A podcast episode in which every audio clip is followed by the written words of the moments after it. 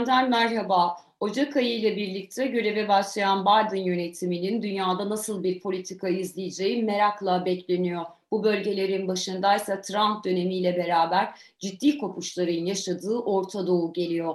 Trump dönemiyle beraber ABD tek taraflı olarak İran nükleer anlaşmasından çekilmiş, İsrail'in başkenti olarak Kudüs'ü tanıdığını ilan etmiş, büyükelçiliğini buraya taşımıştı. Aynı zamanda Körfez ülkeleri özellikle Suudi Arabistan, Katar ve Birleşik Arap Emirlikleri ile İsrail arasında yakınlaşma ve normalleşme süreçleri için ikili diplomasiler yürütülmüş. Bu ülkeler arasında özellikle İran'a karşı birlik olunması çağrısında bulunulmuş ve bu çerçevede İbrahim Anlaşması ile beraber en azından Birleşik Arap Emirlikleri ve Bahreyn ile İsrail arasındaki ilişkilerin normalleşmesine tanıklık etmiştik.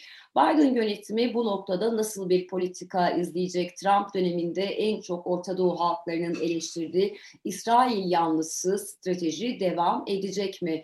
Bu durumu Biden'ın gelecekte atabileceği adımları, ABD kurulu düzeninin getirmiş olduğu sınırları Profesör Doktor İlhan Uzger'le birlikte ele almaya çalışacağız. Hocam merhaba, hoş geldiniz. Merhabalar, hoş bulduk Hocam. Hocam, e, 4 yıllık Trump yönetimiyle beraber en dikkat çeken bölgelerden birisi ABD'nin Orta Doğu'da uygulamış olduğu politikalardı. Özellikle e, Obama döneminde imzalanan İran nükleer anlaşmasından tek yanlı olarak çekilme, İsrail'le belki aşırı olarak tanımlanabilecek yakınlaşma, Kudüs'ün başkent ilan edilmesi, elçiliğin taşınması, Körfez ülkeleriyle İsrail arasında normalleşme ya da yakınlaşma sürecine dönük adımların atılması Biden'a bakiye olarak kaldı. E, bu politikalarda yani genel olarak düşündüğümüzde Biden aynı zamanda e, çok taraflılıktan yana adımları olan bir ülkeydi. E, bu süreci genel olarak nasıl değerlendireceksiniz? İsterseniz önce bir genel hatta bakalım sonra İran, Körfez ve İsrail olarak devam edelim. Tabii şöyle söyleyeyim, bütün Amerika'nın değişmeyen bazı hani Orta Doğu politikasına dair ilkeleri var. Bunlar devam ediyor. Genel olarak demokratlar ya da cumhuriyetçiler iktidara geldiğinde bunlara rotuş yaparak e, devam ediyorlar. E, dolayısıyla da şöyle örnek vereyim. Mesela tabii ki Amerika İran'ı bir şekilde çevreliyor, baskılıyor. Belki rejim değiştirmek istiyor. Bu o kadar kolay değil. Bunun bu politika aynı kalıyor. 79'dan beri değişmedi. Ama her bir yönetim yani cumhuriyetçi ya da demokrat yönetim kendi araçlarını kullanarak bunu yapmaya çalışıyor. Örneğin Obama yönetiminde bu e, İran'ın nükleer programını durdurması, 10 yıl boyunca dondurması karşılığında e, sistemin biraz açılmasıydı. Yani Obama yönetiminin mantığı, yani izlediği İran politikasının mantığı e, İran'ı zaman içinde küreselleşmeye dahil edip, dahil edip yani bir orta sınıfı e, bu e, batı sistemine doğru biraz çekip uzun vadeli bir dönüşümdü. Yani Trump dönemi yine mesela e, İran'ı baskılama politikası izliyor. E, fakat daha kestirmeden sonuç aldı. Yani o anlaşmadan çekilip ağır yaptırımlarla toplumsal patlama e, arayışı içinde oldu. Şimdi İsrail politikası da böyle, Körfez politikası da böyle. evet, Trump yönetiminin her konuda olduğu gibi hem iç politika hem dış politikada bazı hani aşırı gibi görünen yönleri vardı. Mesela işte hani Orta Doğu'ya ilk gezisi Körfez, para şey size silah satalım, İran'a karşı cephe oluşturun falan. Bu hani transactional denen hani al-vere dayalı. Hani ilke düzeyinde değil de hangi, her bir ülkeye geçip karşısına hani sen aslında siyasetin doğasında vardır dış politikanın doğasında. Bunu bir hani bir e, level üste taşımış e, sayılabilir e, Trump. Şimdi e, İsrail meselesine gelince de yani Filistin meselesi, İsrail ile ilişkiler, Körfez'le ilişkilendi artık bu tamamen. E, şunu söyleyebiliriz. Bu politika hani bu ana eksen devam ediyor. Ha birkaç şey söyleyeyim istersen önce. Bir hani her Amerikan yönetiminin kaçınılmaz olarak artık bugünden itibaren yapmak zorunda olduğu şey yani bir, e, bir defa bölgeden Rusya ve Çin etkisinin sınırlandırılması, İran'ın çevrelenmesi, İsrail'in güvenliği bunlar aşağı yukarı e, kaçınılmaz unsurlar ve bu işte tabii enerji kaynaklarının dünya piyasalarına hani güvenli bir şekilde ulaşılması, petrol fiyatının hani istikrarlı olması, hani dünya ekonomisine zararken ve Amerika'ya, Batı'ya zarar vermeyecek şekilde seyretmesi. Şimdi Biden bunun içinden tabii ki İran'la karşı hani politikayı e, biliyorsun e, çok değiştirmiyor. Yani e, aslına bakarsan hani gelin anlaşalım. Hani müzakereyi biraz açık tutuyor ama orada da gidilecek fazla bir şey yok. Çünkü o anlaşmaya geri dönmediği sürece e, İran'da bu, bu şeyi de anlamak çok zor. Belki başka bir gün hani konuşuruz ya da konuk da alabiliriz. Yani dünyada işte ilk beş içinde doğalgaz ve petrolde rezervinde İran ama taktı bir şey nükleer e, santral yapacağım. Silah yapmıyorum diyor çünkü İslam'da nükleer evet. silah yoktur, günahtır diyor filan. E, falan. Neyse işin e, İsrail kısmında ise e, Trump e, çok vulgar bir e, İsrail yanlısıydı.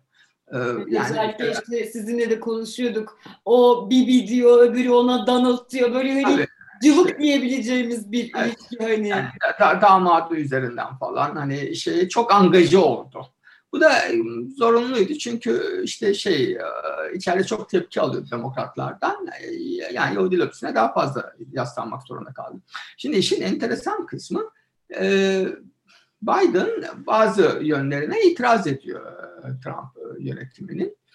Mesela Filistin'e yaptığı yardımı kesti Trump. Evet yönetime. Yani 300 milyon dolar e, yardım yapıyordu e, Filistin yönetimine. Evet. Ya bu şöyle bunu tabii kara kaşı kara gözü için yapmıyorlar. Şundan yapıyorlar. Mesela Gazze'ye de e, Katar biliyorsun e, kaynak aktarıyor finansal destekliyor. Çünkü hani onu da yapmazsan patlama olur diye. Yani Benzer bir şekilde Avrupa Birliği Gazze'ye yardım evet, gönderiyor.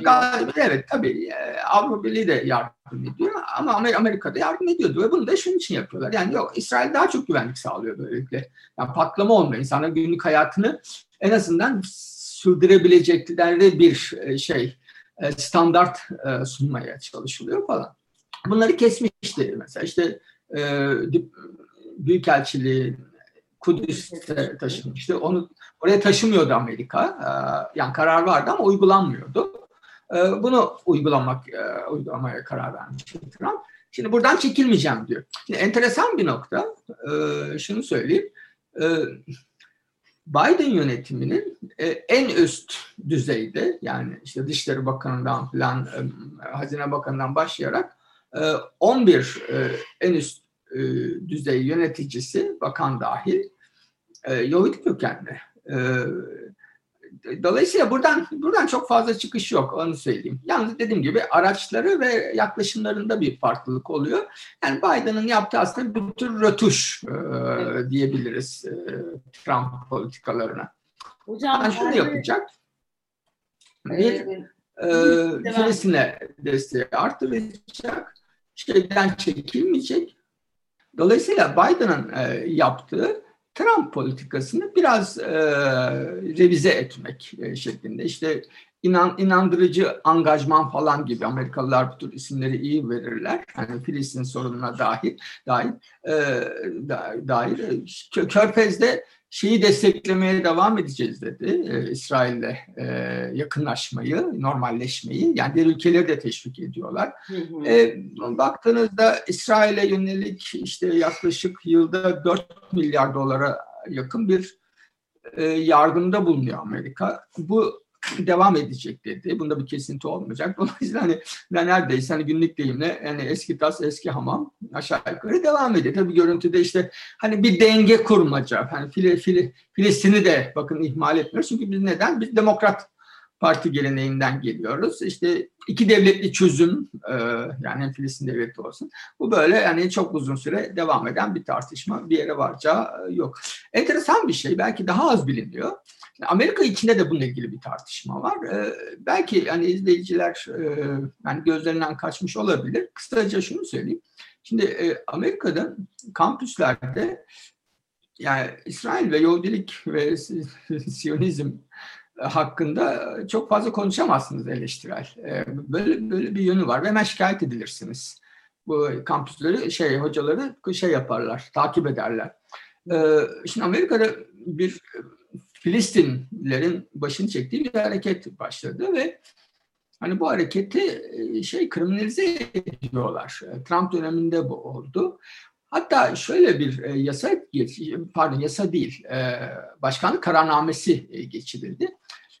İsrail'i eleştirmek antisemitik bir eylem sayılıyor bir süredir.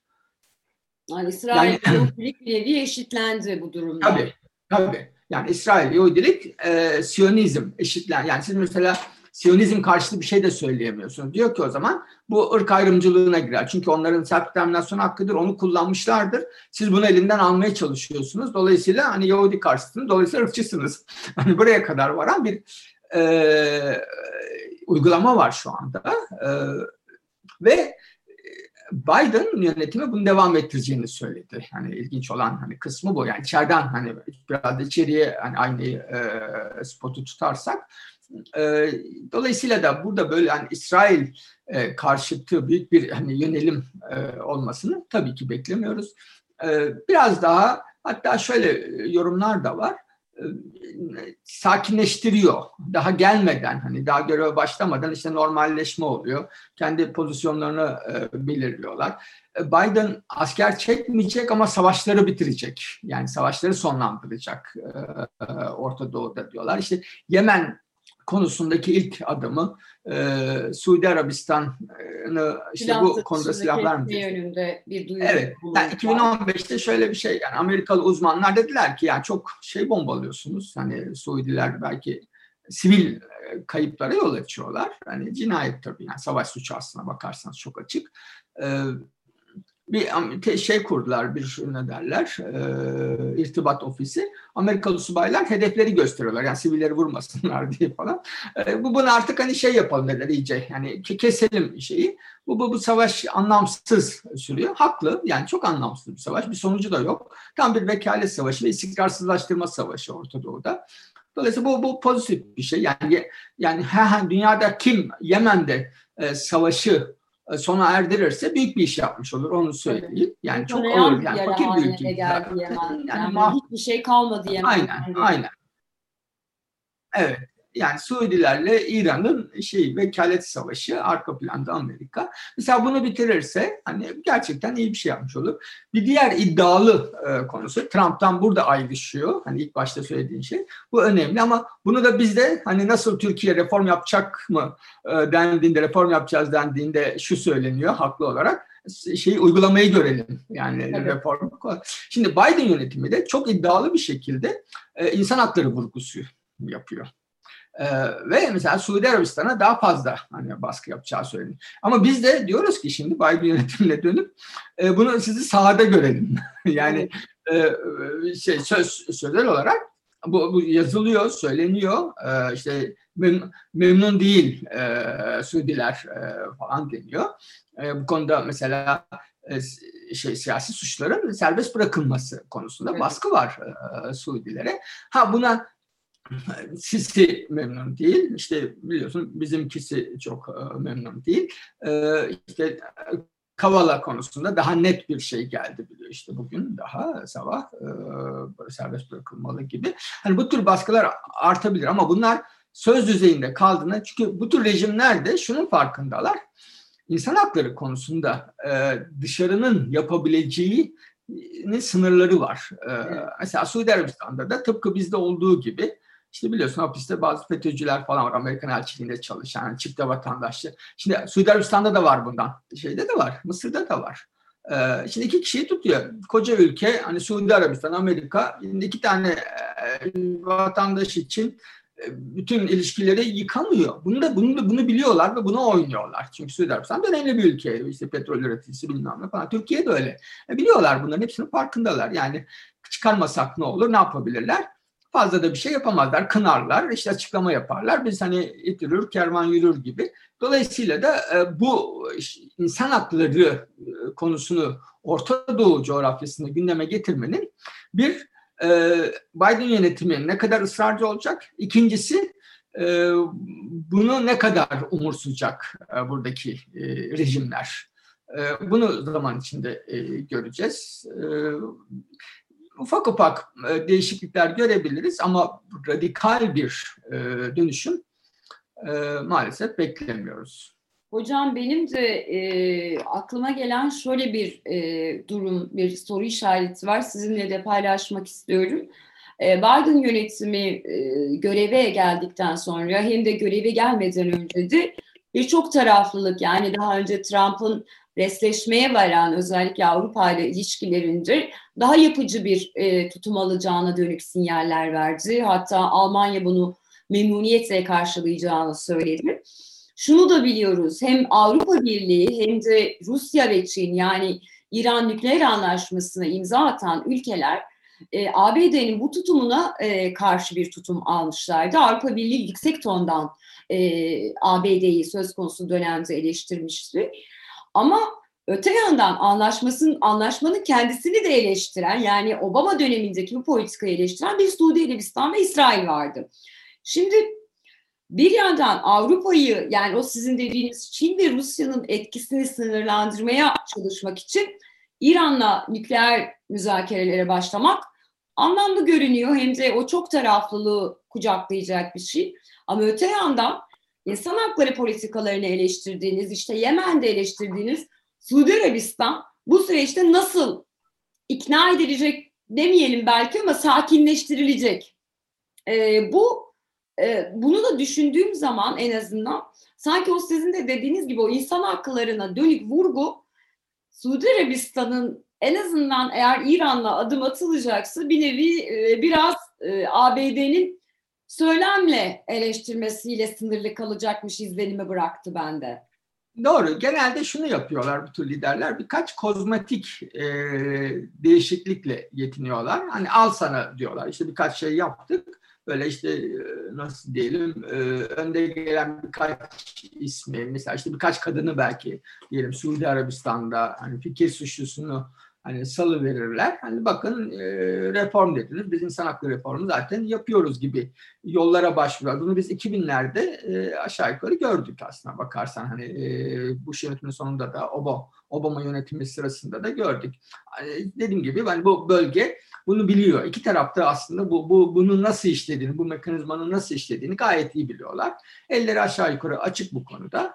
Biden'ın ne kadar samimi olduğunu, nereye kadar gidebileceğini bence bekle gör e, politikası izleyecekler. Daha ciddi sorunlar var çünkü dediğim gibi mesela şeyi de kullanıyorlar. Tıpkı Türkiye'nin yaptığını yani Rusya'yı Amerika'ya karşı kullanma konusunu aşağı yukarı hepsi öğrendi. E, Sisi de öğrendi. Yani Mısır'ın Sisi evet. de gayet de iyi. Suudiler de gayet iyi e, Rusya ile. İsrail de gayet e, iyi. Evet. Katar fena değil. Yani zaten İran'ın sahibi. Dolayısıyla keza öyle. Yani Körfez evet. genel olarak iyi ilişkilere sahip. Önceden farklı olarak ufak ufak e, Çin'le de Çin'le de işbirliği yapıyorlar. Evet. Buna buna bunu önlemek istiyor. Yani esas aslına bakarsanız yani insan hakları e, meselesinin daha daha önemli. Hani bu tür Rusya ve Çin'in bölgedeki etkinliğinin azaltılması Amerika buradan biraz e, dikkatini işte Çin'e doğru vermek istiyor fakat bırakamıyor da. Yani hem sorunlar var hem hemen o boşluğu e, Rusya ve Çin dolduracak diye. Dolayısıyla da böyle bir aslında sıkışık, sıkışmışlık da var hani ABD açısından. Anladım hocam. Çok teşekkür ederim. E, toparlayıcı bir e, açıklama oldu bize en azından Biden'ın e, neler yapabileceğini ve sınırlarına dair, dair önemli unsurların altını çizdiniz. Küresel gündemde bu hafta Profesör Doktor İlhan Uzger'le birlikte Ocak ayı itibariyle yönetime gelen Biden ve ekibinin Orta Doğu'da atabileceği adımları ancak bunda değişen küresel denklemi yani Çin ve e, Rusya'nın bölgedeki varlığı, daha önce ilişki geliştirmedikleri ya da sınırlı olan ilişkilerindeki atılımlar, bunun ABD açısından yaratmış olduğu gerilim, bir tarafta İran dururken bir taraftan Körfez ülkeleri ve İsrail'le kurulacak denge, insan hakları söyleminin ciddiyeti, bunun eyleme dönüp dönmeyeceği konusunu kısaca ele almaya çalıştık. Önümüzdeki dönemlerde elbette Biden yönetimi ya da Orta Doğu'da devletler adım attıkça buraya dönmeye devam edeceğiz. Bizi izlediğiniz ve dinlediğiniz için çok teşekkür ederiz. Hoşçakalın.